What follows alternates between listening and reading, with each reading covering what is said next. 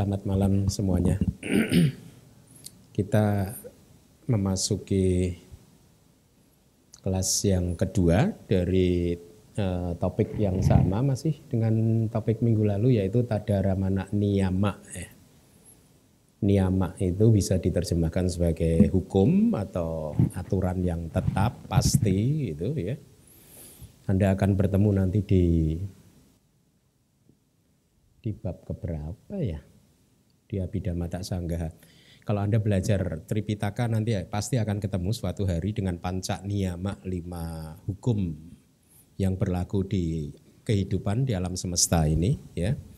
Salah satunya adalah cita niyama, yaitu hukum yang mengatur pikiran atau kesadaran. Ya, kalau Anda sudah belajar bab keempat, cita niyama ini ya witi ini uh, proses kognitif ya. Jadi hukum yang bekerja di dalam pikiran ya seperti yang di bab ini sedang Anda pelajari. Nah, saya akan mencoba untuk meringkas dulu apa yang sudah eh, kita pelajari di minggu yang lalu tentang Tadaramana Niyama. Poin pertama yang harus Anda ingat-ingat adalah bahwa hukum yang berlaku untuk Tadaramana atau yang mengikuti objek yang pertama adalah bahwa kemunculan Tadaramana tergantung atau atau apa? sesuai dengan kualitas objek yang muncul. Ya. Kita mengenal tiga jenis objek, kualitas objek Eh, kualitas yang pertama adalah objek yang tidak menyenangkan. Jadi kalau objek yang tidak menyenangkan itu yang muncul ya, maka tadaramananya yang muncul adalah dari akusala wipaka. Ya berarti kita mengenal dari 11 tadaramana ada berapa yang dari akusala wipaka? Satu. Sambil saya menjelaskan Tadaramana Niyama, Anda ingat-ingat atau Anda boleh baca lagi uh, chart panca dwarawiti atau cakuk winyanawiti atau proses kognitif di pintu mata supaya Anda uh, makin hafal proses kognisi yang terjadi di pintu mata ya. Jadi kalau objek yang masuk di eh, apa panca indera maupun pintu batin itu adalah objek yang tidak menyenangkan, maka tadaramananya dari 11 kemungkinannya hanya satu yaitu UPK Santirana yang dari Akusalawi Paka. Tetapi kalau objeknya menyenangkan saja, tidak sangat menyenangkan, cukup menyenangkan, ya maka tadaramananya kemungkinannya yang muncul dari 11 tadaramana yang satu kan dari aku paka ya. Terus berarti yang dari paka ada 10 ya. 10 dari paka ya dari 10 itu kalau objeknya hanya cukup menyenangkan saja maka tadaramananya adalah yang disertai dengan perasaan UP H ada berapa? Dari 10 itu? 4 ditambah eh sorry. 4 ditambah 3 santiran tambah 1 ya. 4 ditambah 1 ya. 5 ya. Betul. Kemudian kalau objeknya sangat menyenangkan ya berarti dari kusala wipaka tadaramananya tetapi karena dia sangat menyenangkan maka tadaramananya yang muncul adalah salah satu dari uh, somanasa tadaramana. Ada berapa somanasanya? Lima lagi. Ya. Nah, ini hukum yang pertama, hukum yang fundamental bahwa kemunculan tadaramana sesuai dengan kualitas objeknya. Tetapi kemudian ada hukum yang kedua lagi yang mengatur hubungan antara tadaramana dan jawana. Ya. Jawana pun Anda harus hati-hati bahwa hanya kama jawana, hanya jawana lingkup indriawi. Ada berapa kesadaran yang bisa berfungsi sebagai jawana di lingkup indriawi? Dari 55 kurangi 26 ya. Berarti ada berapa? 29 kesadaran bisa berfungsi sebagai kama jawana. Berarti kalau bahasa Indonesianya adalah impuls lingkup indriawi 29. Nah, mereka juga punya hubungan-hubungan tertentu antara kama jawana dan eh, tadaramana ya. Kalau kama jawananya itu adalah apa misalkan yang oh, yang hukum kedua yang harus Anda ingat adalah bahwa tadaramana dan fungsional jawana, kiria jawana, tetapi yang kama jawana ya, yang fungsional yang muncul di batin seorang arahat ada berapa? Fungsional jawana. Impuls fungsionalnya 8 ditambah satu kan ya.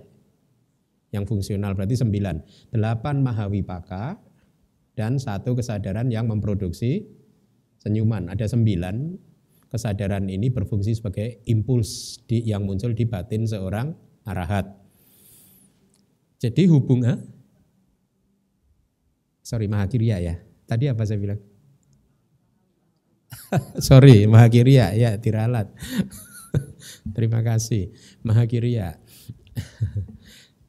nah, kalau fungsional jawana ada hubungannya lagi berkaitan kadang-kadang ya secara umum ya itu berhubungan erat apabila fungsional jawananya itu disertai dengan perasaan somanasa maka tadaramananya juga dengan somanasa. Kalau fungsional jawananya itu yang kama jawana ya, itu UPK, maka tadaramana yang mengikutinya adalah juga UPK. Nah pertanyaan saya, kan dari UPK Tadaramana itu ada satu yang aku salah wipaka. Ya toh? Kapan aku salah wipaka ini muncul mengikuti fungsional uh, impuls fungsional atau uh, kiriya jawana? Kapan? Mudah, hukum yang pertama yang diingat-ingat. Kalau objeknya adalah objek yang tidak menyenangkan ya. Jadi pada saat arahat mengalami objek yang tidak menyenangkan ya maka tadaramananya yang muncul dari UPK. Jadi ini secara umum meskipun di dalam Sutta Pitaka juga di, sering dijelaskan, di Abhidhamma juga dijelaskan bahwa apabila arahat itu menghendaki ya, maka terhadap objek yang sangat menyenangkan beliau tetap bisa UPK, stay equanimous. Ya, jadi tetap uh, equanimous, tetap seimbang, tenang seimbang. Perasaannya juga tenang, batinnya juga tenang seimbang begitu. Ya. Bisa saja itu. Makanya tadi saya katakan secara umum. Nah, hubungan antara kama jawana dan juga tadaramana yang berikutnya adalah e, kalau jawananya adalah dosa mula cita. Nah, Anda harus ingat ya. Karena dosa mula cita itu perasaannya kan yang menyertai apa? Doma nasa. Nah, akan ada masalah apabila jawana yang dosa mula cita ini muncul ya berkaitan dengan uh, objek yang sangat menyenangkan. Uh, sorry, bukan berkaitan dengan objek yang tidak memunculkan tadaramana. Eh sorry, ya tidak memunculkan tadaramana. Ya, kalau objeknya itu tidak kan tadaramana itu hanya muncul di objek apa? Hanya di kuali, dua kualitas objek. Kalau di pintu panca indera, dia hanya muncul berkaitan dengan objek yang sangat besar saja. Kalau di pintu batin, dia hanya muncul di objek yang terang saja. Ya, hanya dua objek ini saja, dua kualitas objek ini yang bisa memunculkan tadaramana. Nah, kalau domanasa jawananya domanasa atau dosa mula cita atau kesadaran yang berakar pada kebencian yang muncul, maka tadaramana yang mengikuti yang mana? Hmm? Yang mengikuti adalah yang UPK, ya tadara mana yang UPK, tapi tergantung dengan kualitas objeknya lagi. Kalau objeknya itu menyenangkan ya salah satu dari kusala wipaka yang muncul. Kalau objeknya tidak menyenangkan berarti salah satu dari eh, aku salah wipaka yang muncul yaitu UPK Santirana aku salah wipaka. Ya begitu ya. Eh, saya tadi agak mencampur adukkan dengan agan tukak bawangga ya. Agan tukak bawangga itu bawangga tamu bukan bukan di sini. Ini hubungan antara jawana dan tadaramana. Kalau dosa mula cita, maka tadaramananya tidak bisa yang somanasa. Harus yang UPK. Ya, kenapa? Karena batin kita ini di dalam detik yang berurutan tidak bisa memunculkan perasaan yang berlawanan. Dalam detik yang berurutan, dalam momen yang berurutan. Cita kana, momen kesadaran yang berurutan Artinya kalau di momen kesadaran kali ini muncul perasaan somanasa, momen berikutnya tidak bisa domanasa. Ya. Dia harus UPK dulu, ada buffernya dulu ya yang yang melancarkan sebelum dia masuk ke uh, jenis perasaan yang ber yang ber oposisi berlawanan gitu. Eh, demikian pula sebaliknya, kalau detik ini momen kesadaran ini perasaan yang muncul adalah domanasa, maka momen berikutnya perasaan somanasa tidak bisa muncul. Kira-kira begitu ya, tidak bisa. Hukumnya itu hukum dari pikiran atau dari cita tidak begitu. Nah jadi kalau jawananya itu adalah dosa mula cita, maka tadaramananya dari UP, Anda tinggal pilih salah satunya. Karena ini nanti setelah materi tertentu saya akan memberi soal kepada Anda. Soalnya kira-kira nanti Anda akan saya minta untuk menyebutkan cita mana yang muncul ketika objeknya begini. Gitu. nah Anda harus skillful. Ya, mungkin Anda bertanya apa sih manfaatnya belajar yang seperti ini? Oh banyak manfaatnya. Ya, kalau Anda belum berhasil menembusnya melalui meditasi saja, ya, seandainya Anda belum berhasil melihat langsung melalui meditasi, itu pun sudah bisa membuat kita untuk mendapatkan gambaran yang lebih jelas lagi tentang anicca dukkha dan anatta. Dan dengan demikian batin akan lebih ringan. Anda kita akan bisa menjalani kehidupan ini dengan lebih ringan lagi. Banyak beban psikologis akan selesai. Ya, banyak manfaatnya. Baik, itu tadi dosa mula cita. Dua, ya. Kalau sekarang e, jawananya adalah sepuluh aku salah cita, Ya, berarti tadaramana yang bisa mengikuti yang mana? Semua. Tinggal Anda tentukan sesuai sesuai hukum yang sudah saya sebutkan tadi ya. Anda pertimbangkan dulu objeknya apa? Menyenangkan, sangat menyenangkan atau tidak menyenangkan ya. Kemudian eh, eh, misalkan ya ya itu paling ya.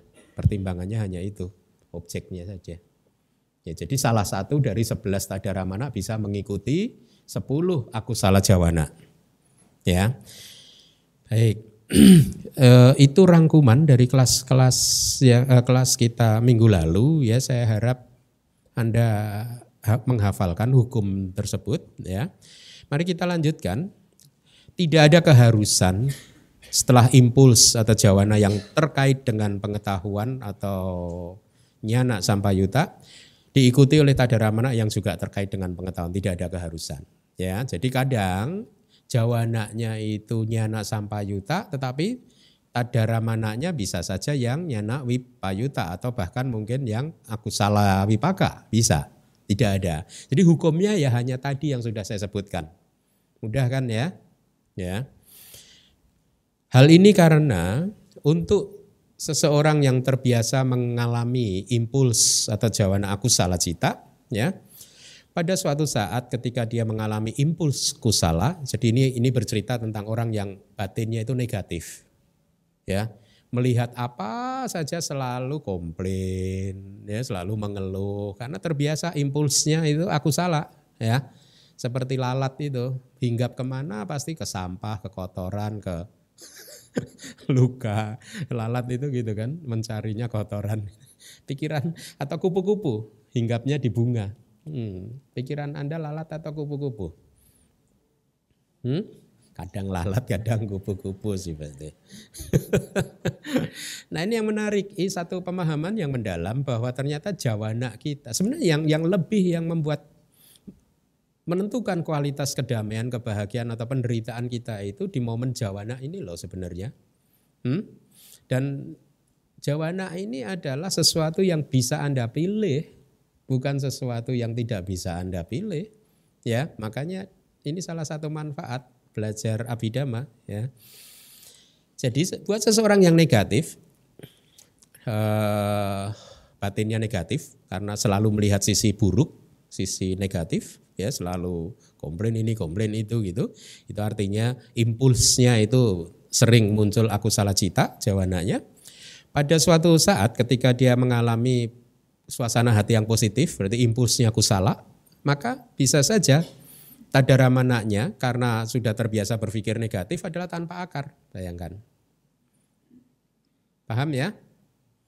Jadi karena tidak ada hukum yang mengatur antara eh, yang disertai dengan pengetahuan dan tadaramana. Jadi bisa saja impulsnya aku salah dengan pengetahuan ya atau tiga akar, tetapi jawaban eh, tadaramananya adalah tanpa akar bisa saja terjadi. Jadi hukumnya ya tadi Anda ingat-ingat saja yang sudah di awal sudah saya sampaikan ya. Meskipun impulsnya adalah tiga akar. Kemungkinan yang lain atau untuk seseorang yang terbiasa mengalami impuls kusala atau batinnya itu sangat positif ya selalu sering ya kita melihat teman kita ya itu sangat positif di dalam menilai sesuatu itu ya. Jadi buat orang-orang seperti itu yang mempunyai sifat sangat positif, selalu melihat segala sesuatu dari sisi yang positif, itu makna dari impuls kusala.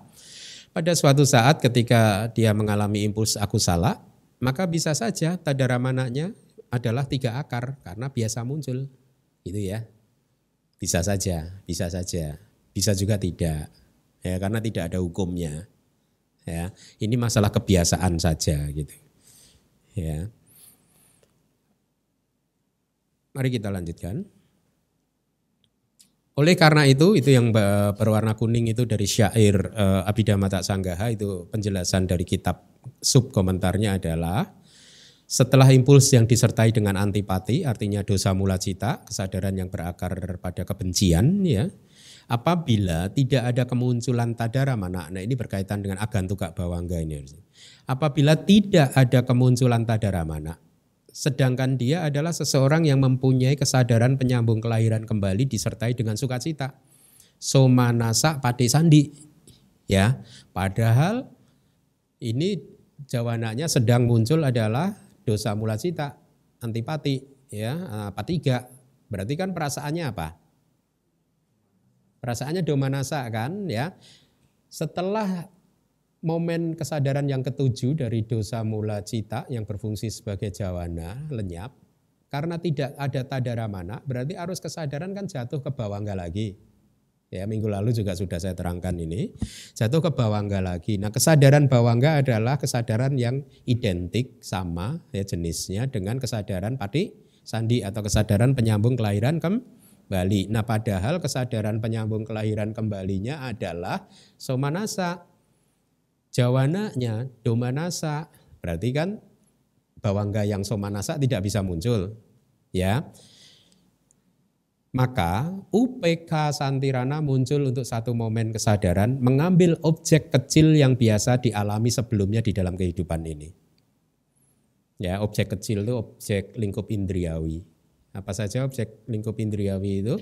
54 kama wacara cita, 52 cetasika dan 28 rupa. Ya, mungkin dia teringat kalau objeknya itu tidak menyenangkan, dia teringat pada kebenciannya yang muncul kemarin atau minggu lalu gitu ya. Jadi itu diambil lagi objeknya. Atau kalau objeknya sedang menyenangkan maka dia ingat pada saat mungkin apa berdana ya mendengarkan dhamma gitu. Dengan perasaan yang sukacita gitu. Kira-kira seperti itu ya. Jadi objek yang objek kecil yang biasa muncul di dalam kehidupan ini ya. Di, bukan dari kehidupan kehidupan yang sebelumnya ya itu itu juga poin ya Jadi objeknya di dalam satu proses kognitif khusus ini ya, agan tukak bawangga atau bawangga tamu, ada ob, dua objek yang berbeda. Ya kan? Proses kognitifnya sendiri mengambil satu objek, tetapi agan tukak bawangga atau bawangga tamunya mengambil objek yang berbeda. Ya. Jadi UPK Santirana, kan kita mengenal ada berapa dari Tadaramana 11 Tadaramana ada berapa UPK Santirana? Dua kan? Yang mana? Lagi tergantung objeknya. Kalau objeknya tidak menyenangkan berarti yang aku salawi maka kalau objeknya menyenangkan berarti yang kusalawi maka kira-kira seperti itu. Ini penjelasannya. Nah, Anda ketemu dengan bahasa palinya itu lihat di layar. UPK Santirana di sini disebut sebagai agan tuka hawa enggak. Faktor kehidupan yang kebetulan tapi sering juga diterjemahkan jadi faktor kehidupan yang uh, faktor kehidupan tamu ya. dia sebagai tamu saja sedang berkunjung nanti pulang lagi begitu kira-kira begitu ya. Nah kalau agan tuh ke kebetulan berarti dia hanya kebetulan pada momen kali itu dia berfungsi sebagai bawangga kira-kira begitu maknanya. Makna agan tuka ya kebetulan itu Ya tamu juga bisa. Kalau di dalam winaya itu ada agan kak biku sedang datang. Ya. Jadi biku tamu sedang berkunjung kira-kira seperti itu. Ya. Cita tersebut yaitu UPK Santirana muncul sebagai peredam atau penyangga antara doma nasa dan soma nasa serta berfungsi untuk melancarkan jalan kembali menuju ke arus faktor kehidupan yang normal. Paham ya? Jadi agan tukak bawa enggak kita terjemahkan jadi Anda bisa menerjemahkan ke dalam dua terjemahan faktor kehidupan tamu ya atau juga faktor kehidupan kebetulan yang kebetulan ya. Terus kita Contoh juga minggu lalu sudah saya sampaikan ya, jadi seseorang dari agama lain yang mempunyai penyambung kelahiran kembali yang disertai dengan sukacita, dia melihat Buddha.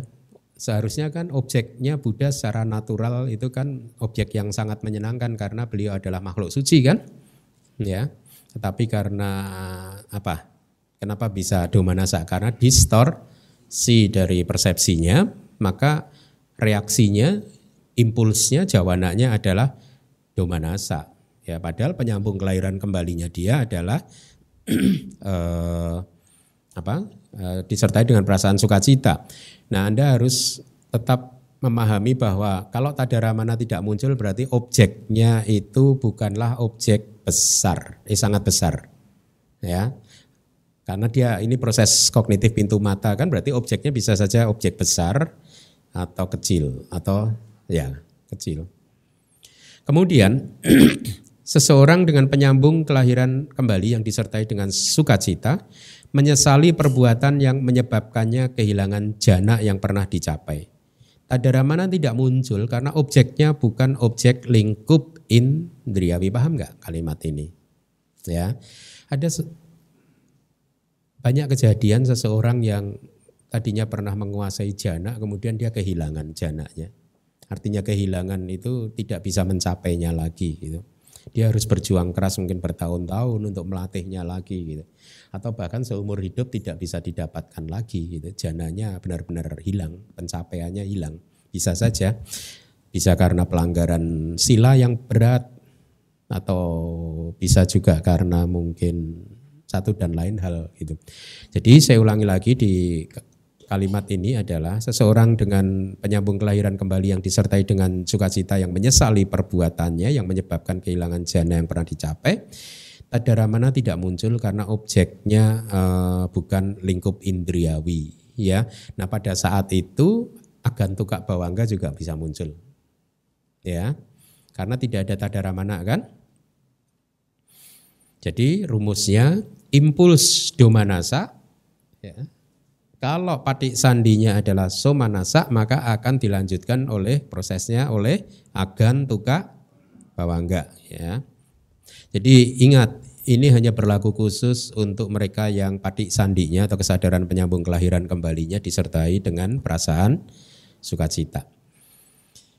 Yang biasa dialami sebelumnya ini dari Abhidhamma Tak Sanggaha penjelasannya adalah objek yang pernah diambil sebelumnya di kehidupan saat ini juga. Nah, tadi sudah saya sampaikan ya. Jadi objek dari kehidupan kali ini ya. UPK Santirana di sini tidak berfungsi sebagai tadaramana karena tidak mengambil objek yang diambil oleh impuls. Anda masih ingat tadaramana yang mempertahankan objek adalah kesadaran yang mengambil objek yang diambil oleh jawana. Tat itu itu aramana objek, objek itu objek tersebut gitu. Artinya objek yang baru saja diambil oleh jawana. Ya.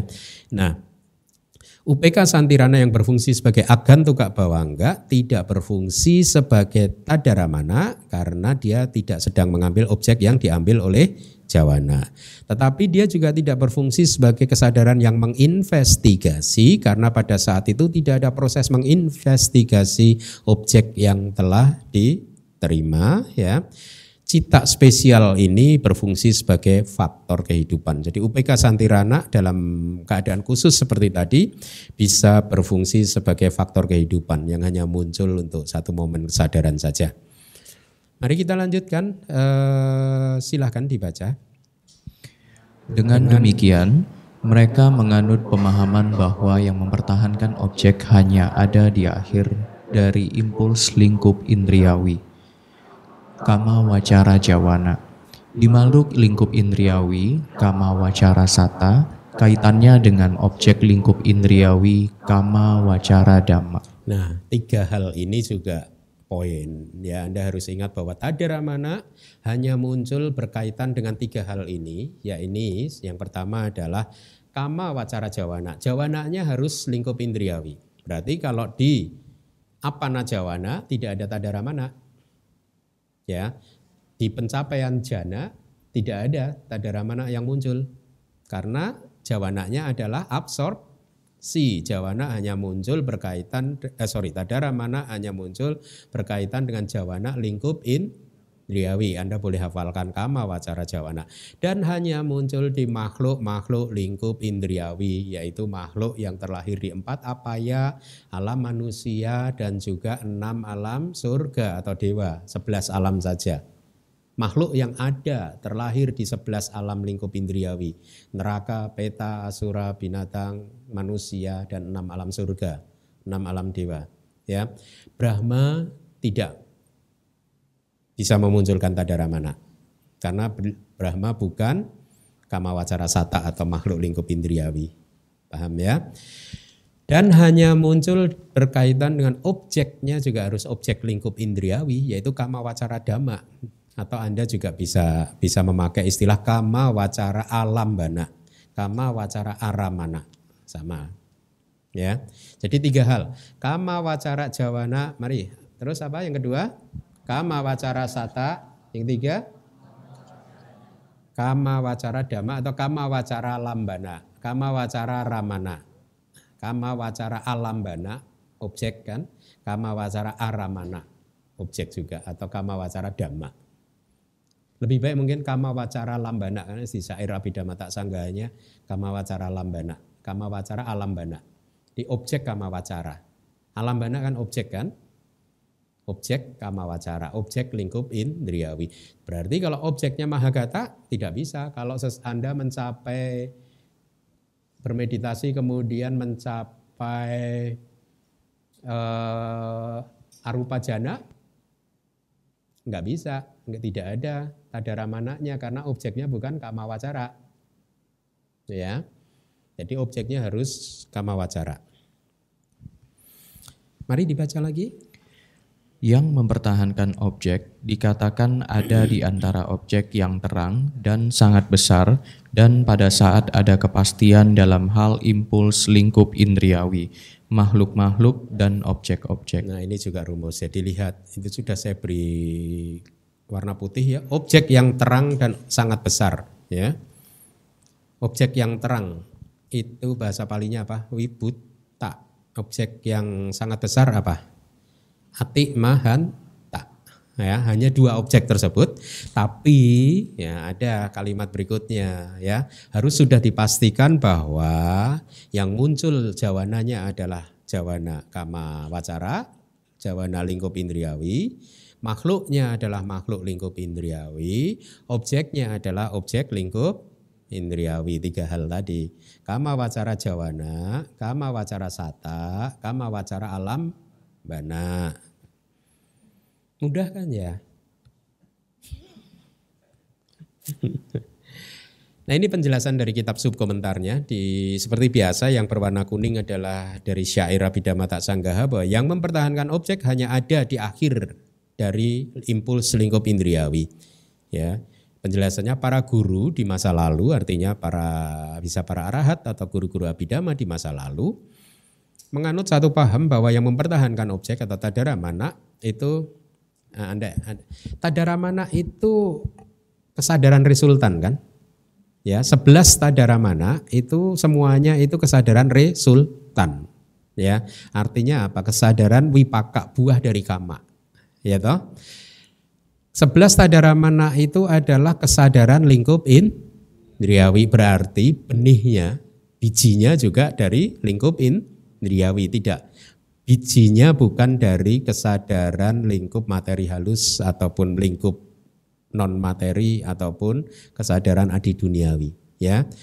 Bijinya juga dari lingkup indriawi buahnya juga lingkup indriawi. Jadi tadaramana adalah buah dari karma lingkup indriawi ya Makanya di situ lihat yang lahir dari kama yang bersumber dari nafsu terhadap objek-objek indriawi. Kalau Anda masih ingat di kelas-kelas awal itu saya e, menyampaikan kepada Anda istilah kama. Kama wacara itu terdiri dari dua kata.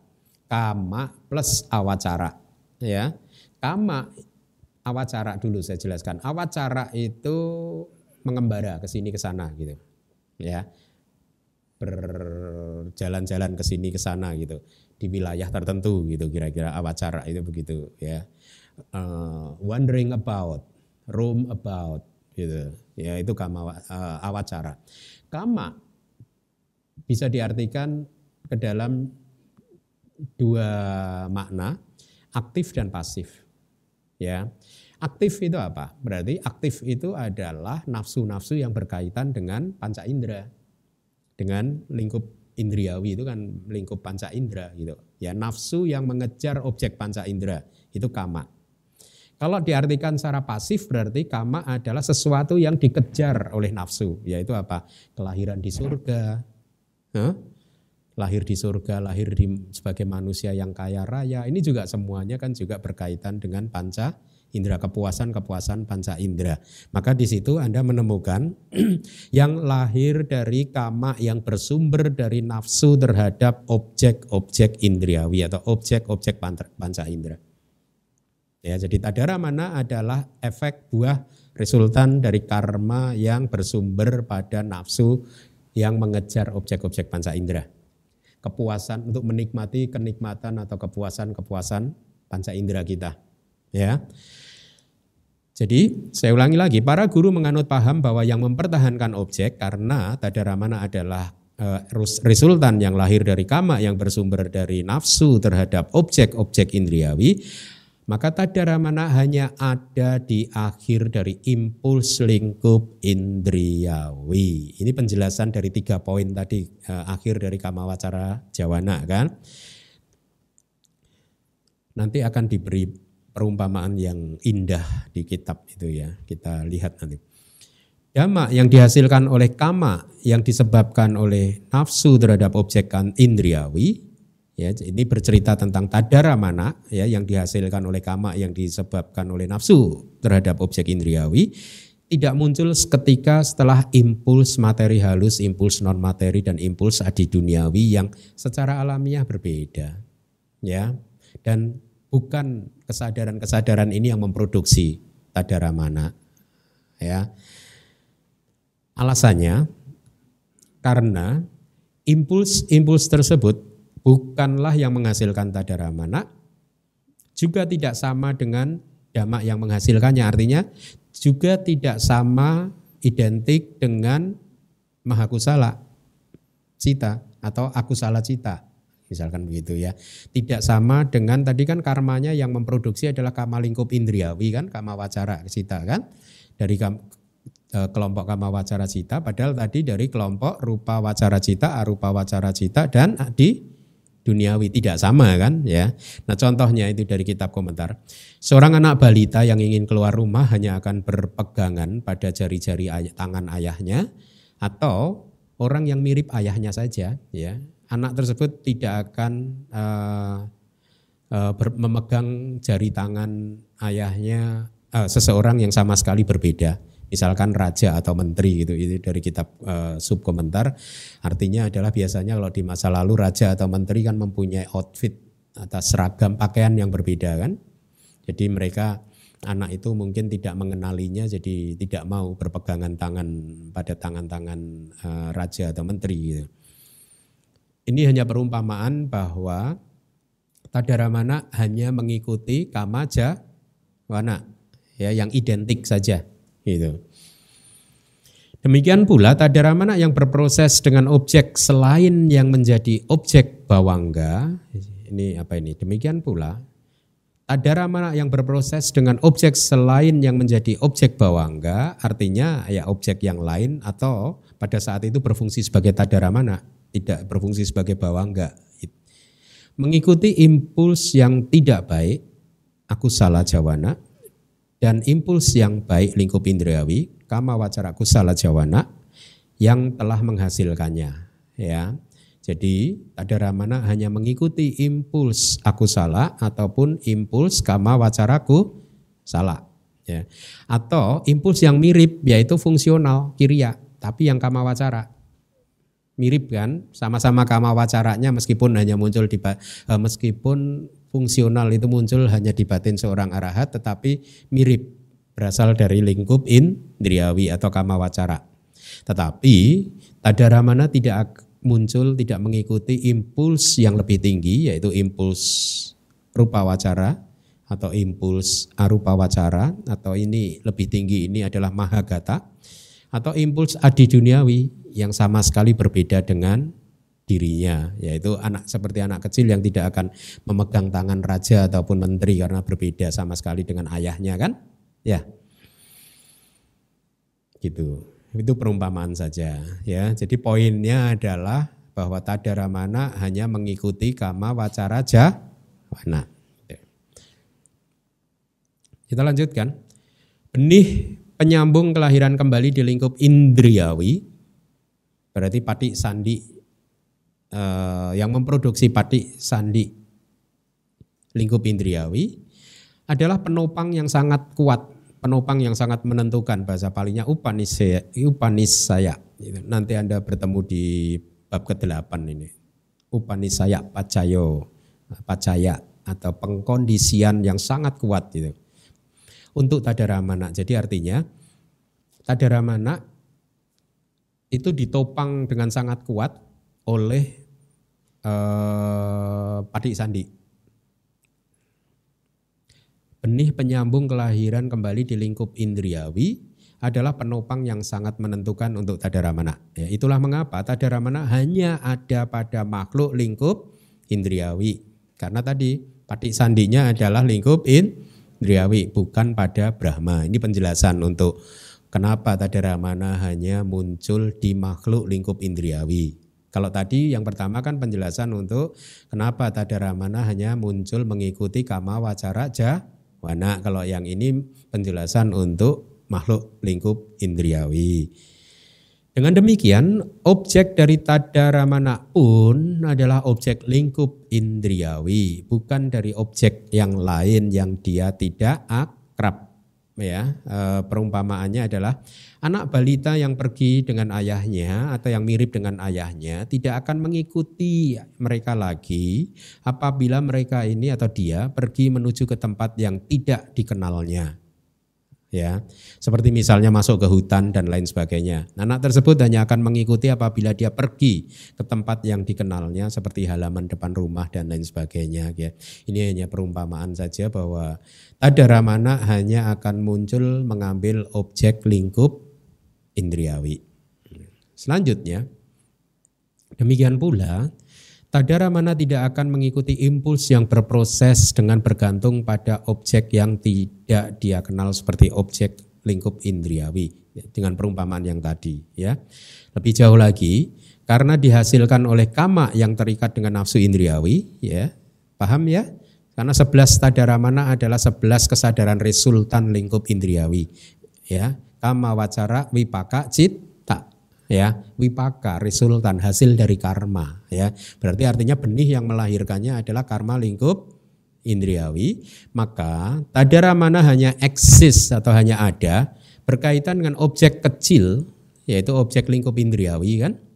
Ya yang menjadi objek dari nafsu keinginan terhadap, eh, terhadap objek indriawi. Yang menjadi objek nafsu-nafsu kita untuk mencari kepuasan kenikmatan objek-objek panca indera kita Ya. Jadi saya rasa saya harap Anda mendapat clue-nya, mendapat poinnya ya. Uh, jadi saya ringkaskan ini hukum tadaramana seperti anak kecil tadaramana mengikuti impuls yang melahirkannya atau yang mirip tidak dengan yang sama sekali berbeda dengan dirinya dan sudah saya beri warna kuning itu Anda hafalkan bahwa tadaramana hanya akan mengikuti kama wacara jawana Dikarenakan tiadanya biji, yaitu kesadaran penyambung kelahiran kembali, tadaramana tidak ada pada makhluk Brahma. Ya, karena kesadaran penyambung kelahiran kembalinya berbeda, bijinya berbeda. Ya, penyambung kelahiran kembali lingkup indriawi adalah bijinya untuk tadaramana. Jadi tadaramana hanya akan mengikuti kama wacara satta atau makhluk lingkup indriawi. Seperti anak kecil yang mengikuti seseorang ke tempat yang dia akrab, dia kenal, demikianlah berdasarkan kekuatan dari nafsu keinginan, tadaramana tidak ada di tempat lain artinya tadaramana tidak ada di apa ini? objek-objek yang uh, lebih tinggi ataupun adi duniawi, kama wacara dhamma ya.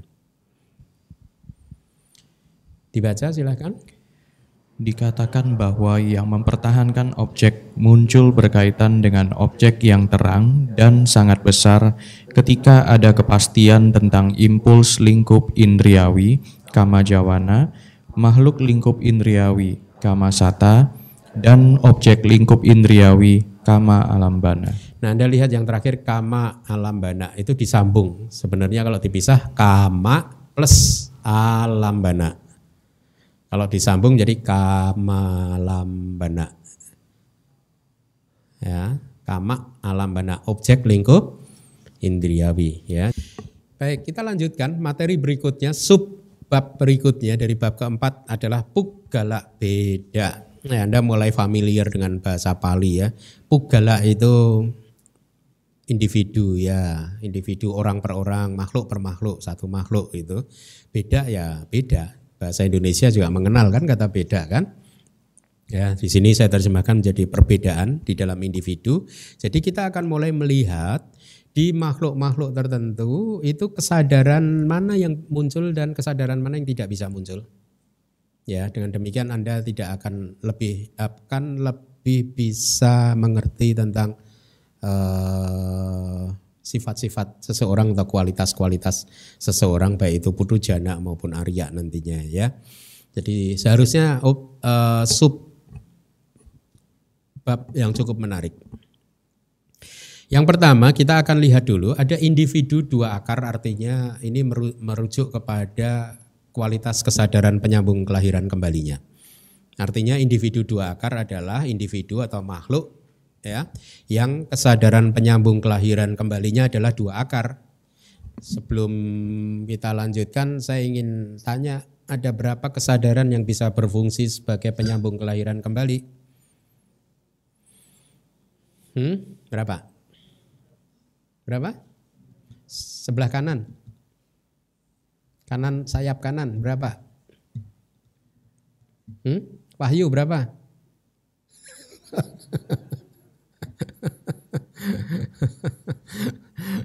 tengah berapa tengah? Hah? 19 apa saja? Hah, yang bi 19 kesadaran yang bisa berfungsi sebagai penyambung kelahiran kembali apa saja? Mama mama mama. Hah? Yang tengah, yang Yang menyebut 19 tadi. Hah? Dari ahituka dulu apa? Dua UPK Santirana, satu aku salah wipaka, satu kusala wipaka. Kemudian 8 mahavipaka berarti udah 10. Terus 5 rupa wacara wipaka. Betul kan? Terus 4 arupa wacara wipaka berarti 2 tambah 8 tambah 5 tambah 4 berapa anak-anak? Ya bagus, bisa ya. Nah dari 19 kesadaran yang bisa berfungsi sebagai patik sandi winyana atau patik sandi cita, berapa kesadaran yang disertai dengan dua akar? Dari 19. Ya? Berapa kesadaran yang hanya disertai dengan dua akar? Hah? Empat apa saja? Mahawipaka yang Nyana wip payuta bagus. Jadi dari 19 kesadaran tadi ada empat kesadaran yang hanya disertai dengan dua akar yaitu a loba dan a dosa, tidak ada amoha, tidak ada kebijaksanaan, ya. Ada manusia juga yang manusia dua akar ya begitu karena akarnya tidak ada amohanya, tidak ada kebijaksanaannya ya begitu begitulah gitu. Ya ada kan? Nah, sekarang Anda pelan-pelan mulai mengerti ini. Kenapa? Kita bicara tentang manusia, ada manusia yang pandai, ada manusia yang tidak pandai. Ya toh? Ada manusia yang nanti bermeditasi cepat maju, ada manusia yang meditasinya tidak maju-maju, ya. Ada manusia yang apa? Bahkan nanti kalau di bab kelima mungkin ya, sorry. Bab ke Hmm? Kelima, ya akan dibahas. Ada manusia yang terlahir cacat sejak lahir. Ya, itu karena pati sandinya sangat lemah.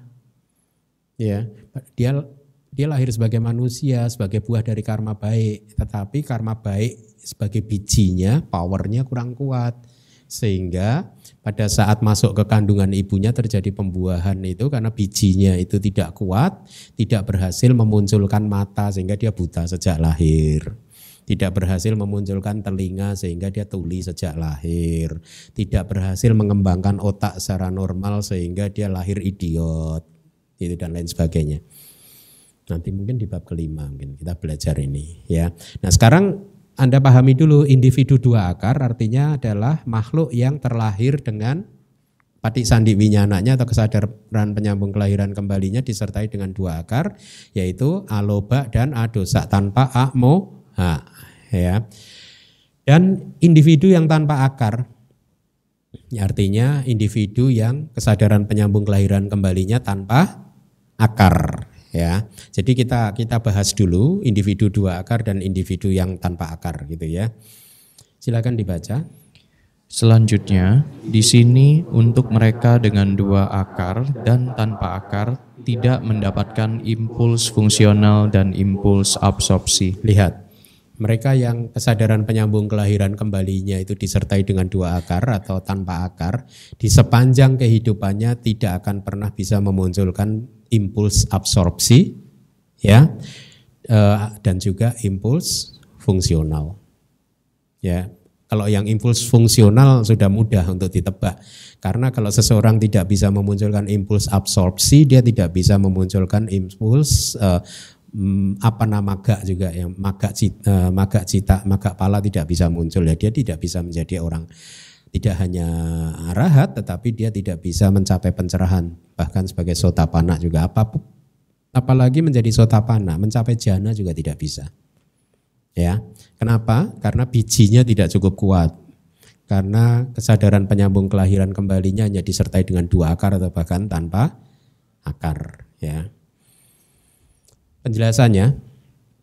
Di subbab ini akan dipelajari proses kesadaran atau witi cita yang muncul di 12 jenis individu. Nah, Anda hafalkan dulu. Ternyata di dalam abidama semua makhluk di dalam samsara ini dibedakan menjadi 12 individu yang berbeda.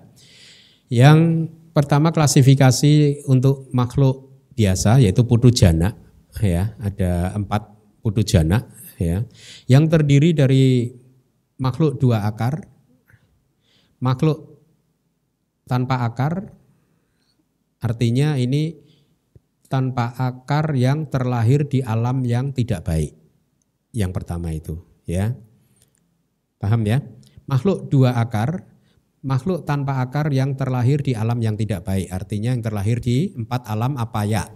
Neraka, peta, asura, binatang. Mereka yang lahir di empat alam yang rendah itu kesadaran penyambung kelahiran kembalinya adalah tanpa akar. Tapi dari aku salawi paka. Kemudian ada lagi makhluk tanpa akar yang terlahir di alam oh tanpa kebahagiaan. Berarti yang satu tadi adalah yang al, tanpa akar tapi di alam bahagia. Ya tadi terlahir sebagai manusia tapi cacat.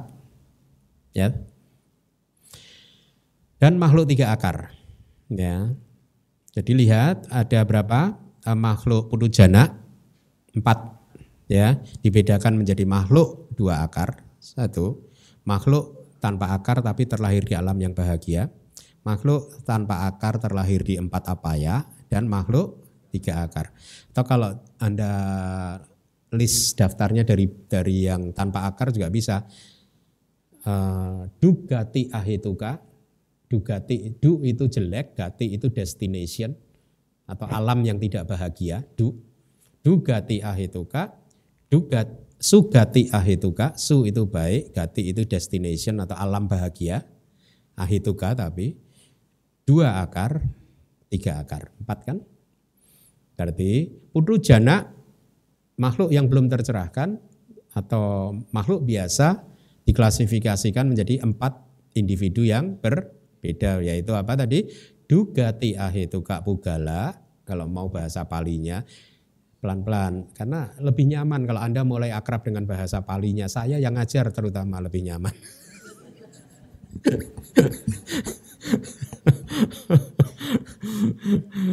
Bahasa Indonesia lebih bagus sih. Nah, saya saya saya ajari supaya Anda akrab. Dugati ahetuka pugala dibaca dari belakang. Individu tanpa akar yang lahir di makhluk eh, alam tan, tidak bahagia. Sugati ahetuka pugala individu tanpa akar yang lahir di alam bahagia. Kemudian dwi hetuka pugala individu dua akar. Ti hetuka pugala individu tiga akar. Empat kan ya? Ya. Tadi kita bicara ada 12 klasifikasi, berarti yang delapan adalah makhluk suci, makhluk yang sudah mencapai maga dan pala. Ya. Maga dan pala. Nah, kita mengenal berapa tingkat kesucian? Empat. Dari empat tingkat kesucian itu dipecah lagi menjadi maga dan pala. Jadi satu tingkat kesucian dipecah menjadi dua, yaitu magata pugala atau individu jalan dan palata pugala itu ada di bahasa itu uh, di di layar ya yaitu individu buah. Ya. Berarti dari empat makhluk uh, empat uh, area dipecah dibedakan berdasarkan jalan dan buah kita mendapatkan delapan individu kan? Yaitu apa Sotapati Magata Pugala atau individu jalan Sotapati. Sotapati Palata Pugala individu buah Sotapati. Sakadagami Magata Pugala individu jalan Sakadagami. Sakadagami Palata Pugala individu buah Sakadagami dagami anagami magata pugala individu jalan anagami. Anagami palata pugala individu buah anagami. Arahata magata pugala individu jalan arahata. Arahata palata pugala individu buah arahata. 8 tambah tadi 4 12 Nah, Anda kemudian pahami delapan individu ini berlaku pada momen mana saja. Pada saat kemunculan sotapati maga cita, pada momen tersebut dia adalah sotapati maga tak pugala. Berarti individu jalan itu umurnya hanya satu cita kanak saja. Individu jalan umurnya hanya satu momen kesadaran saja yaitu pada saat kesadaran jalan muncul. Ya, pada saat kesadaran jalan muncul dia jadi individu jalan sesuai dengan tingkat pencapaiannya, entah sotapati, sakadagami, anagami atau harahata. Kesadaran jalan kan hanya muncul satu momen kesadaran. Tapi kesadaran buah muncul dua atau tiga momen kesadaran. Pada saat kesadaran buah muncul pertama kalinya, ya, maka dia sudah berubah menjadi pala tak pugala atau individu buah. Ya. Nah, individu buah ini lifetime-nya, durasinya, umurnya tidak satu momen kesadaran, tetapi umurnya adalah sejak kemunculan buah tadi yang pertama kali sampai kemunculan maga yang lebih tinggi lagi. Berarti bisa ber, bisa tidak bisa dipastikan. Kalau dia langsung berurutan mencapai momen apa pencapaian yang lebih tinggi maka ya mungkin dalam hitungan jam dia berubah. Julukannya berubah titlenya berubah. Paham ya? Saya beri ilustrasi. Jam 8 lebih 5 seseorang mencapai sotapati palak cita ya kemudian lenyap pacawe kana cita muncul untuk mereview pencapaian sotapatinya. Kemudian dia melanjutkan lagi bermeditasi, masuk lagi ke dalam jana dan menggunakan jana sebagai landasannya. Dia berwipasana lagi, tidak lama kemudian dia mencapai sakadagami maga dan pala. Katakanlah satu jam kemudian dia mencapai sakadagami maga dan pala. Maka setelah satu jam berikutnya itu pada saat maga, sakadagami maga muncul, dia sudah bukan sotapati pala tak pugala lagi, bukan in, individu buah sotapati tetapi dia adalah sakadagami maga pugala. Maga tak pugala. Paham ya? Jadi durasinya bisa satu jam. Bisa juga seumur hidup. Seseorang mencapai sotapati jalan dan buah, maga dan pala. Kemudian bermeditasi dilanjutkan tidak mencapai sakadagami juga. Seumur hidup berjuang tidak meningkat juga. Sampai meninggal dunia tetap saja dia jadi sotapati pala tak pugala tetap bisa lama, bisa tujuh kehidupan.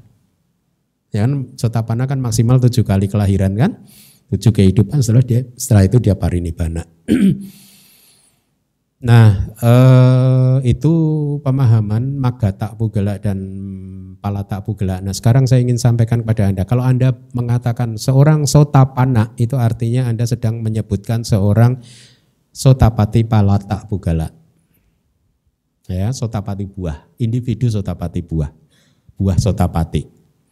Kalau Anda mengatakan sakadagami, seorang sakadagami, Anda sedang merujuk kepada sakadagami palata pugala, individu buah sakadagami atau sakadagami buah. Kalau Anda mengatakan seorang anagami, maka dia Anda merujuk kepada anagami palata pugala. Kalau Anda mengatakan seorang arahat, Anda merujuk pada individu buah arahata.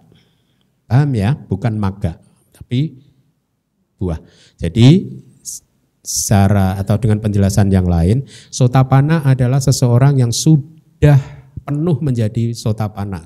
Dikatakan penuh karena apa? Maga dan pala sudah muncul. Penuh. Seorang sakadagami adalah seseorang yang sudah penuh gitu. E, pencapaiannya penuh karena maga dan pala sakadagami sudah muncul. Demikian pula dengan anagami dan arahat. Ya, jadi bagus ya, tambah informasi. Semakin Anda pinter, semakin ilmu Anda bertambah, semakin memudahkan saya.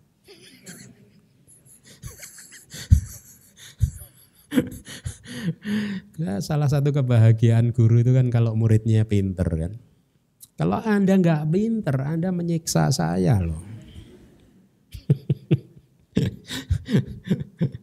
Makanya ada yang apa seseorang yang menjadi bodhisatta itu kan tekadnya adalah membahagiakan semua makhluk ya. begitu melihat kok enggak bahagia bahagia nih semua makhluk stres di akhirnya bodhisattanya stres Baik, kita kita coba sebentar kita lihat.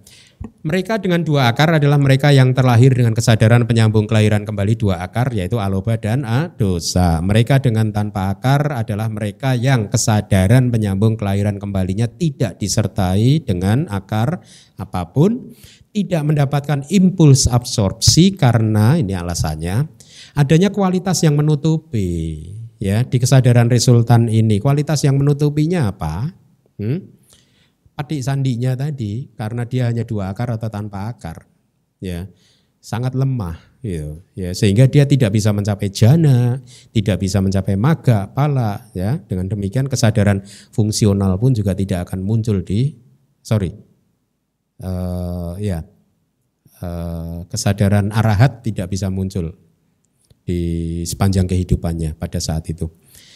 Dikatakan bahwa Patik sandi dengan dua akar dan tanpa akar adalah resultan yang menutupi ya. Jadi patik sandinya itu yang menutupi, tidak cukup kuat ya, bahasa lainnya ya.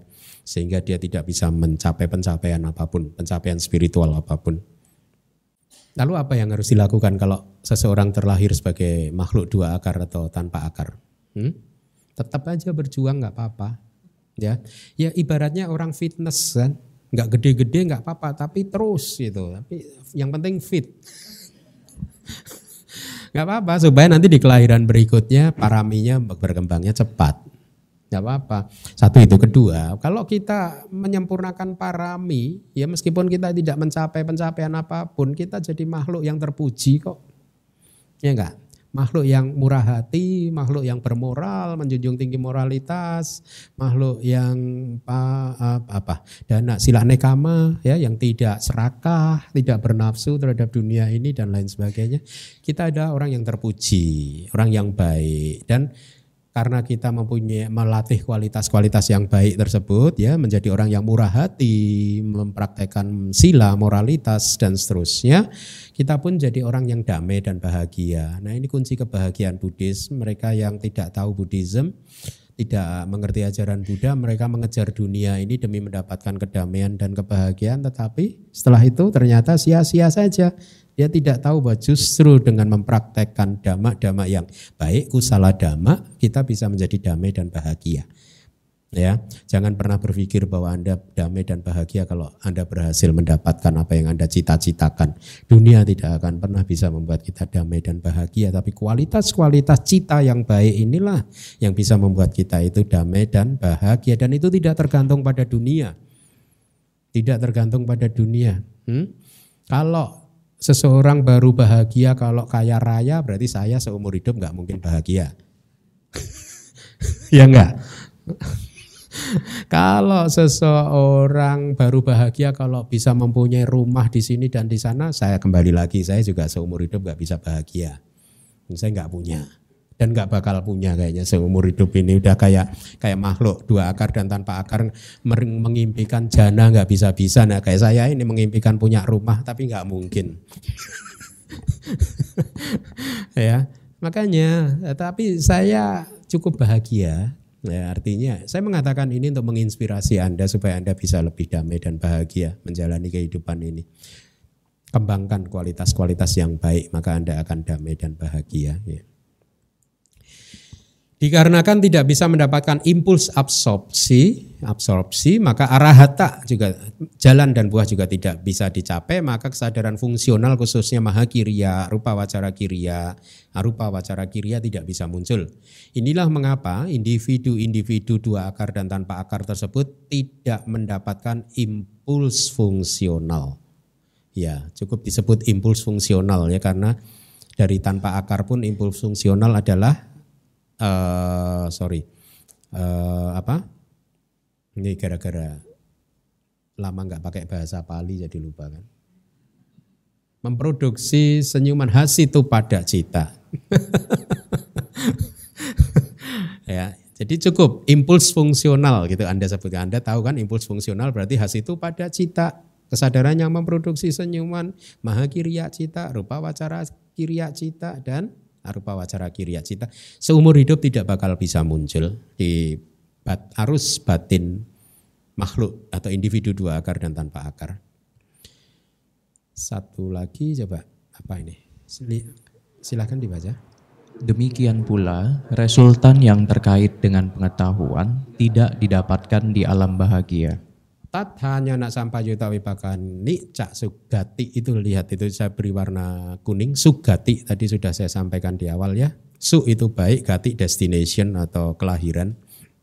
Kelahiran yang baik atau atau alam yang baik gitu aja.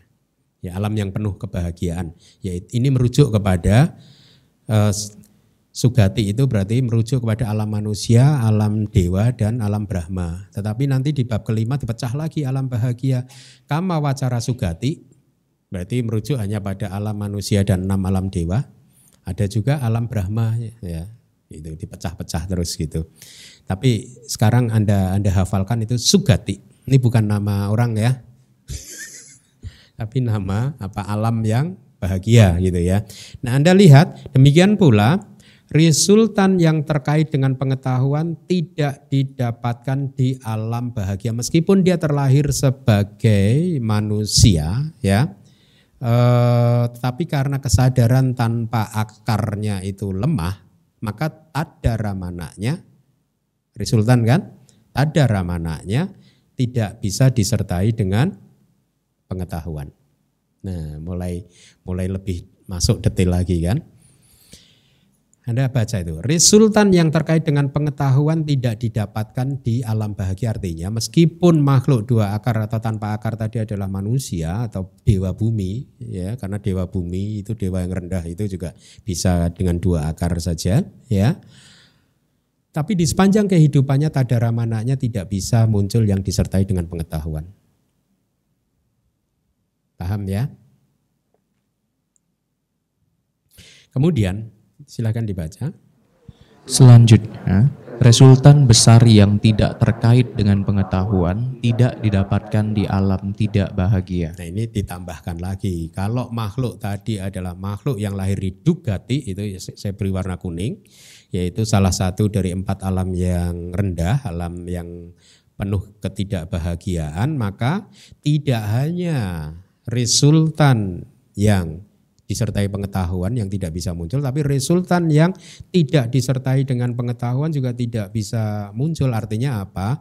Makhluk di empat alam apa ya, empat alam rendah tidak bisa mempu, memunculkan mahawipaka cita. Ini sesuai dengan pertanyaan Pak Aris kemarin kan saya jawab minggu lalu juga ya.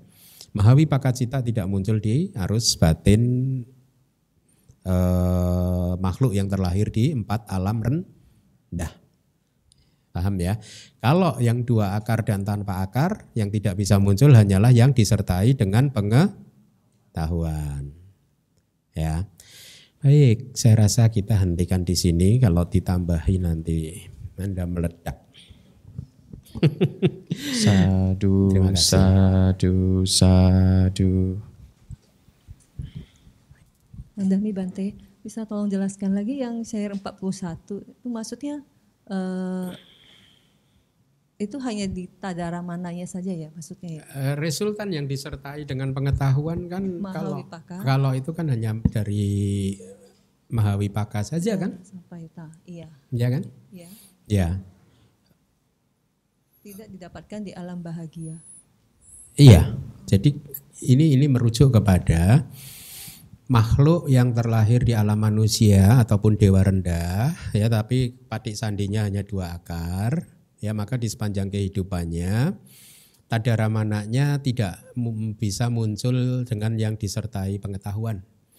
Kalau yang rupa wacara kusala, rupa wacara kusala sudah tidak dibahas lagi karena tadi di depan sudah disampaikan kan bahwa dia tidak bisa mencapai jana toh. Mm -mm.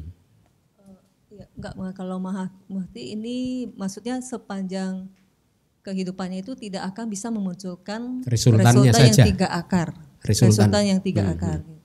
Tapi mahakusala juga bisa, dia tetap Maha kusalanya yang dua akar. Tetap eh, enggak, mahakusalanya bisa Bisa dengan yang akar. tiga akar toh. Kalau dia belajar pariyati terus, nah tahu kan cara memunculkan berdana yang disertai dengan tiga akar bagaimana berdana yang itu ya dia bisa memunculkan. Tapi wipakanya nggak bisa. Resultannya saja, resultannya. Karena bijinya lemah. Bijinya lemah. Bijinya hanya dua akar dan tanpa akar. Jadi resultannya tidak bisa yang tiga akar. Itu. Kasih Bang. Ya. Ya Bante saya mau nanya kalau uh, sotapana itu kan tujuh kali kehidupan lagi ya itu misalkan di kehidupan terakhirnya yang misal, eh, yang keenam misalkan dia menyimpang gimana perbuatannya gitu apa dia nggak nggak jadi mencapai nibbana atau gimana? ya nggak bisa menyimpang. Kalau dia sudah masuk ke arus itu sudah tidak bisa melakukan kejahatan lagi. Kan batinnya sudah murni kan? Jadi eh, kalaupun dia melakukan kejahatan kejahatannya cukup lemah sehingga tidak bakal ku- cukup kuat untuk memproduksi kelahiran kembali di empat alam yang bawah artinya seorang sotapana masih bisa marah-marah seseorang sotapana masih punya nafsu, ya, makanya dia masih bisa hidup berumah tangga, tetapi nafsu, kemarahan masih bisa sombong juga, ya, karena kes- kesombongan itu hancur di arahat. Anagami juga bisa, ya, hah? Hah? Kenapa? Kenapa? Di arahat. Iya kan? Iya di arahata. Hmm, hancur oleh arahata maga. Jadi artinya sotapana, sakadagami dan anagami juga masih mempunyai kesombongan ya. Tetapi degrinya beda. Sudah enggak enggak kasar sehingga karena tidak kasar, tidak kuat, maka kalaupun dia melakukan hal-hal yang tidak baik tersebut, maka kalaupun itu berbuah tidak akan pernah cukup kuat untuk membuahkan kelahiran di empat alam yang rendah. Jadi sotapana sih makanya disebut pengarung arus. Dia udah masuk ke arus, sudah diem aja dia udah sampai ke nibana gitu. Mm-mm. Nggak bisa ah lompat lagi ah gitu. Keluar lagi nggak bisa, udah kadung masuk arus. Ya. Oke. Ya, makasih Bante. Ya. Untuk Bante, itu uh, tadi disebutkan uh, dewa alam rendah itu bisa terlahir dengan dua akar gitu ya. Kenapa bisa begitu ya? Padahal kan dia sudah level dewa gitu. Ya, tapi rendah. Oh, masih Ya, masih dewa tertentu aja sih kayak ya dewa yang masih terikat dengan bumi gitu, yang rendah gitu. Terima kasih Bante. Yang terendah paling rendah. Ya, berikutnya silakan. Kita masih punya banyak waktu. Yang sering juga dikatakan tuh asura gitu. Makanya asura itu ada dua macam, asura dari apaya dan asura dari alam dewa. Nah, asura dari alam dewa itu tanpa akar. Eh, sorry, dua akar. Bante mungkin saya mau bertanya. Em, beberapa waktu lalu pernah eh, mendapatkan cerita bahwa eh, Yaka atau Yakini yang salah satu di pada saat kehidupan zaman Buddha itu yang eh, sempat eh, memiliki dendam dengan seorang ibu, nah itu eh, sempat dimention di cerita itu bahwa Yaka itu pun juga termasuk asura yang bukan alam bawah gitu, eh, dewa gitu. Eh, ada statementnya seperti. Nah itu apakah benar gitu Bante? Itu ya yang nahi werena werani sam nahi werena. Ya kemarahan tidak bisa dipadamkan dengan kemarahan. Itu cerita itu ya. Itu apakah yakanya itu dewa rendah atau dari apa ya ya? Kayaknya kayaknya dari apa ya ya? Pasti dari dewa rendah ya? Di yang terakhir Handi sih seperti itu, dewa rendah gitu. yang tadinya mereka itu istri pertama Iya, dan istri kedua betul, dari seorang laki-laki, istri pertamanya tidak punya anak, menikah lagi, kemudian Iya. punya anak diracun sama Iya, istrinya. betul. Oh itu dari dewa ya? Ya. Ya kayak kininya ya. Ada. Ada. bukan dari Asura ya? Bukan, makanya eh, dulu waktu eh, pernah membaca cerita ini juga beberapa kali sebelumnya itu bilangnya Asura sempat. Nah, tetapi yang terakhir eh, Handi dapatkan itu eh, disebutkan ini sampai dijelaskan ini Yaka atau Yakini kan yang wanita gitu. Nah, ini merupakan berasal dari alam rendah gitu. Hah? Eh, Alam rendah? eh, sorry, eh, apa dewa gitu, dewa tetapi eh, ini ya dewa aja sih dewa, dewa yang terakhir. Gitu ya. Ya kalaupun benar berarti itu yang dua akar tadi. yang yang masih mengem, apa masih terikat dengan bumi. Makanya hidupnya ya sama kita kita ini, Hmm. gitu. Dia masih terikat dengan bumi, buma sita teri. Jadi nggak bisa jauh-jauh dari bumi. Kalau dewa yang sudah di atasnya itu kan hidupnya udah di atas sana gitu. Hmm. Mm-mm. Dia udah nggak nggak ini, nggak berkeliaran di. Biasanya ber- munculnya kan di jurang, di hutan, di bawah pohon besar, di rumah yang kosong. Hmm. Nah gitu gitu itu. Oke, yang mungkin sering disebutkan juga dewa pohon atau Ya, dewa. ya, ya, ya, itu kemungkinan itu makhluk dua akar. Hmm. Jadi kalau anda jadi terlahir jadi dewa jangan seneng dulu. Dewa yang mana dulu ya kan? Nah, jadi dari minggu dari minggu lalu kan Bante sudah menyebutkan tuh makanya ada alam eh, maksudnya dewa yang eh, di bumi gitu Oh, kan. sudah ya? Iya kan ada beberapa Dihukum karma kayaknya saya men- Ya. minggu lalu juga ya. Minggu lalu iya. Sugati tapi dua akar. Iya. Silakan ada yang mau bertanya lagi? Bab 5 nanti tentang hukum karma. Kita akan keber habis-habisan teori karmanya. Ya, menarik tuh. Anda akan puas dengan penjelasan hukum karma dari sisi abidama. Karena detail sekali. Harusnya menarik. Bab, bab 5 semester depan tentang hukum karma. Beda dengan pariyati pasti. Lebih habis-habisan. Hah? ya, ada lagi. Silakan. Sugiyawatu Bante. Bante mau tanya. eh, tadi kan dijelaskan tentang eh, manusia yang terlahir sebagai sotapana. Nah, eh, bagaimana kita mengetahui eh, orang ini eh, sudah penuh maga dan palanya atau belum begitu? Terima kasih. Maksudnya kita mengenali seseorang gitu atau dianya Ya, sendiri. mengenali seseorang itu. Iya. Eh, kalau berkaitan dengan pencapaian tingkat kesucian, ya, maka hanya mereka yang mempunyai tingkat kesucian sederajat atau lebih tinggi yang bisa mengenali orang lain yang pencapaiannya sederajat atau di bawahnya.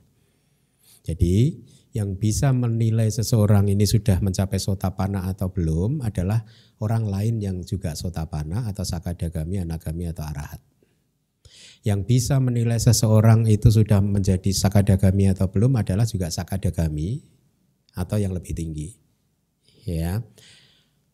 Sakadagami tidak bisa menilai seseorang sudah jadi anagami atau arahat yang lebih di atasnya nggak bisa karena semata-mata di luar jangkauan kebijaksanaannya dia.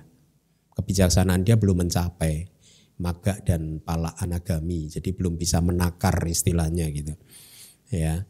Jadi begitu, jadi hanya mereka yang mempunyai tingkat kesucian yang sama atau yang lebih tinggi yang bisa menilai. Kalau dirinya sendiri dia udah tahu. Ya, jadi kalau seseorang itu men- sudah mencapai tingkat kesucian sotapana dia udah tahu. Dia sudah mencapai gitu. Tidak perlu tanya, saya udah belum ya. saya kan pernah kan di Myanmar ada salah satu guru yang kebetulan kemarin waktu di kunjungan saya ke California yang kemarin itu saya kunjungi wiharanya gitu. Beliau dulu diklaim eh, sering ceritanya beredar beliau sudah mencapai tingkat kesucian sotapana tetapi waktu dia menyampaikan itu dia mengatakan bahwa dia tahu itu dari gurunya gitu. Jadi ya kalau benar dia tahunya dari gurunya ya berarti dia belum mencapai. Dia harus tahu dia sudah mencapai. Karena ada review kan pacawekana, hmm, review witiknya, proses kognitif yang mereview pencapaian dia sudah mencapai ini itu itu dia tahu gitu. Ya, tapi kalau orang lain harus yang tingkat kesuciannya sama atau lebih tinggi. Oke? Ya. Hah? Apinya ya juga dengan oh ya eh,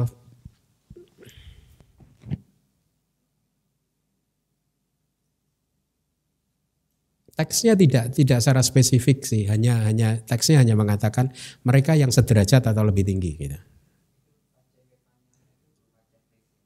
Pacawe kana. Bukan otomatis sih itu, otomatis sih.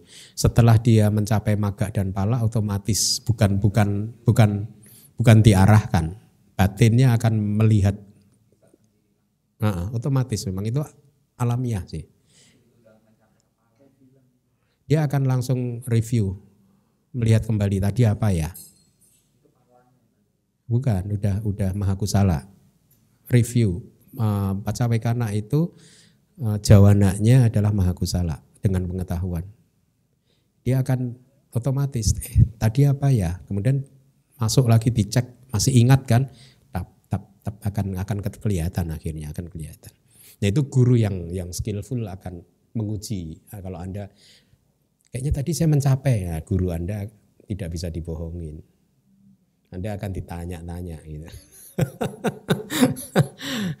Kayak dokter ya, bu dokter ya. Bu dokter saya flu, nah, Anda nggak akan percaya dulu, cek dulu. Kayak gitulah kira-kira. Kalau gurunya pandai, dia tahu kok. Nanti dia akan, wah belum ini.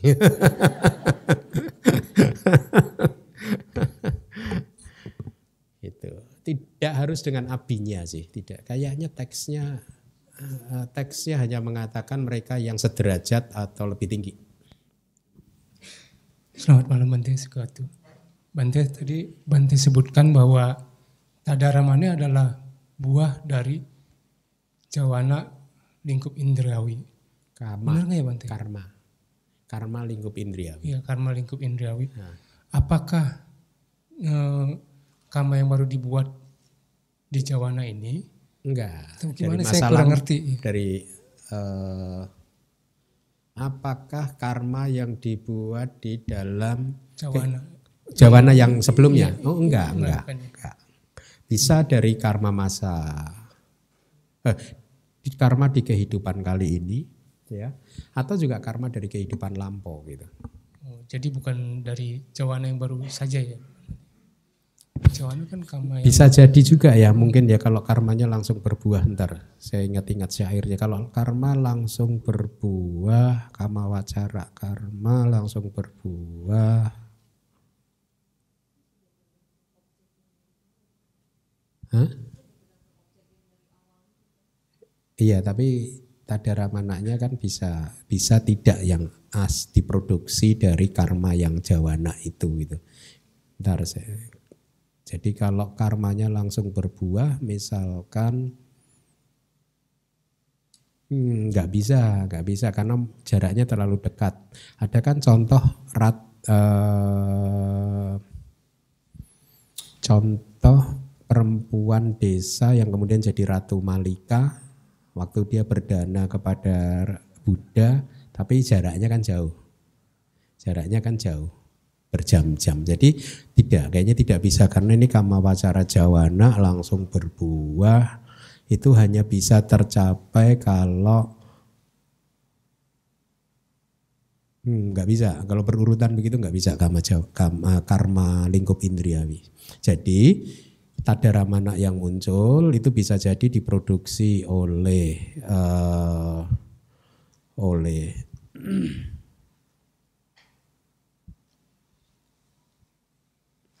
Hmm? Sebentar, sebentar. Bagus nih pertanyaannya. Ada ramana yang ini diproduksi oleh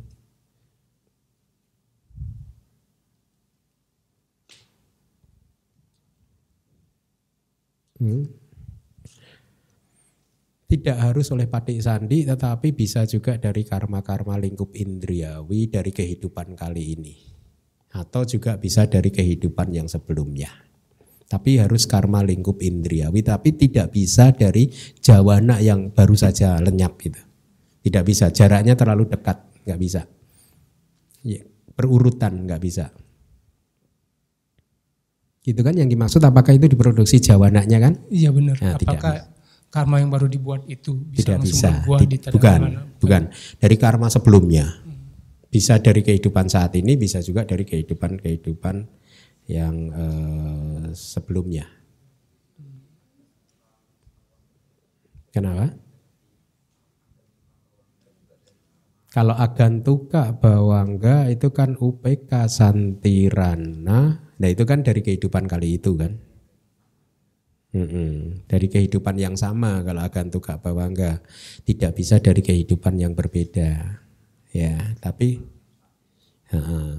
tapi kalau eh, tadara mana bisa dari kehidupan kali ini, bisa juga. Ah, Sebentar. Iya, bisa dari kehidupan kali ini atau kehidupan yang sebelumnya. Hmm? Hmm. Hmm. Begitu. Soalnya kan di rangkaian kan Hmm. proses Hmm. yang memang dari awal tuh objeknya muncul karena sesuai dengan Karma. karma. Hmm. Nah, itu kan karmanya bisa dari karma masa lampau.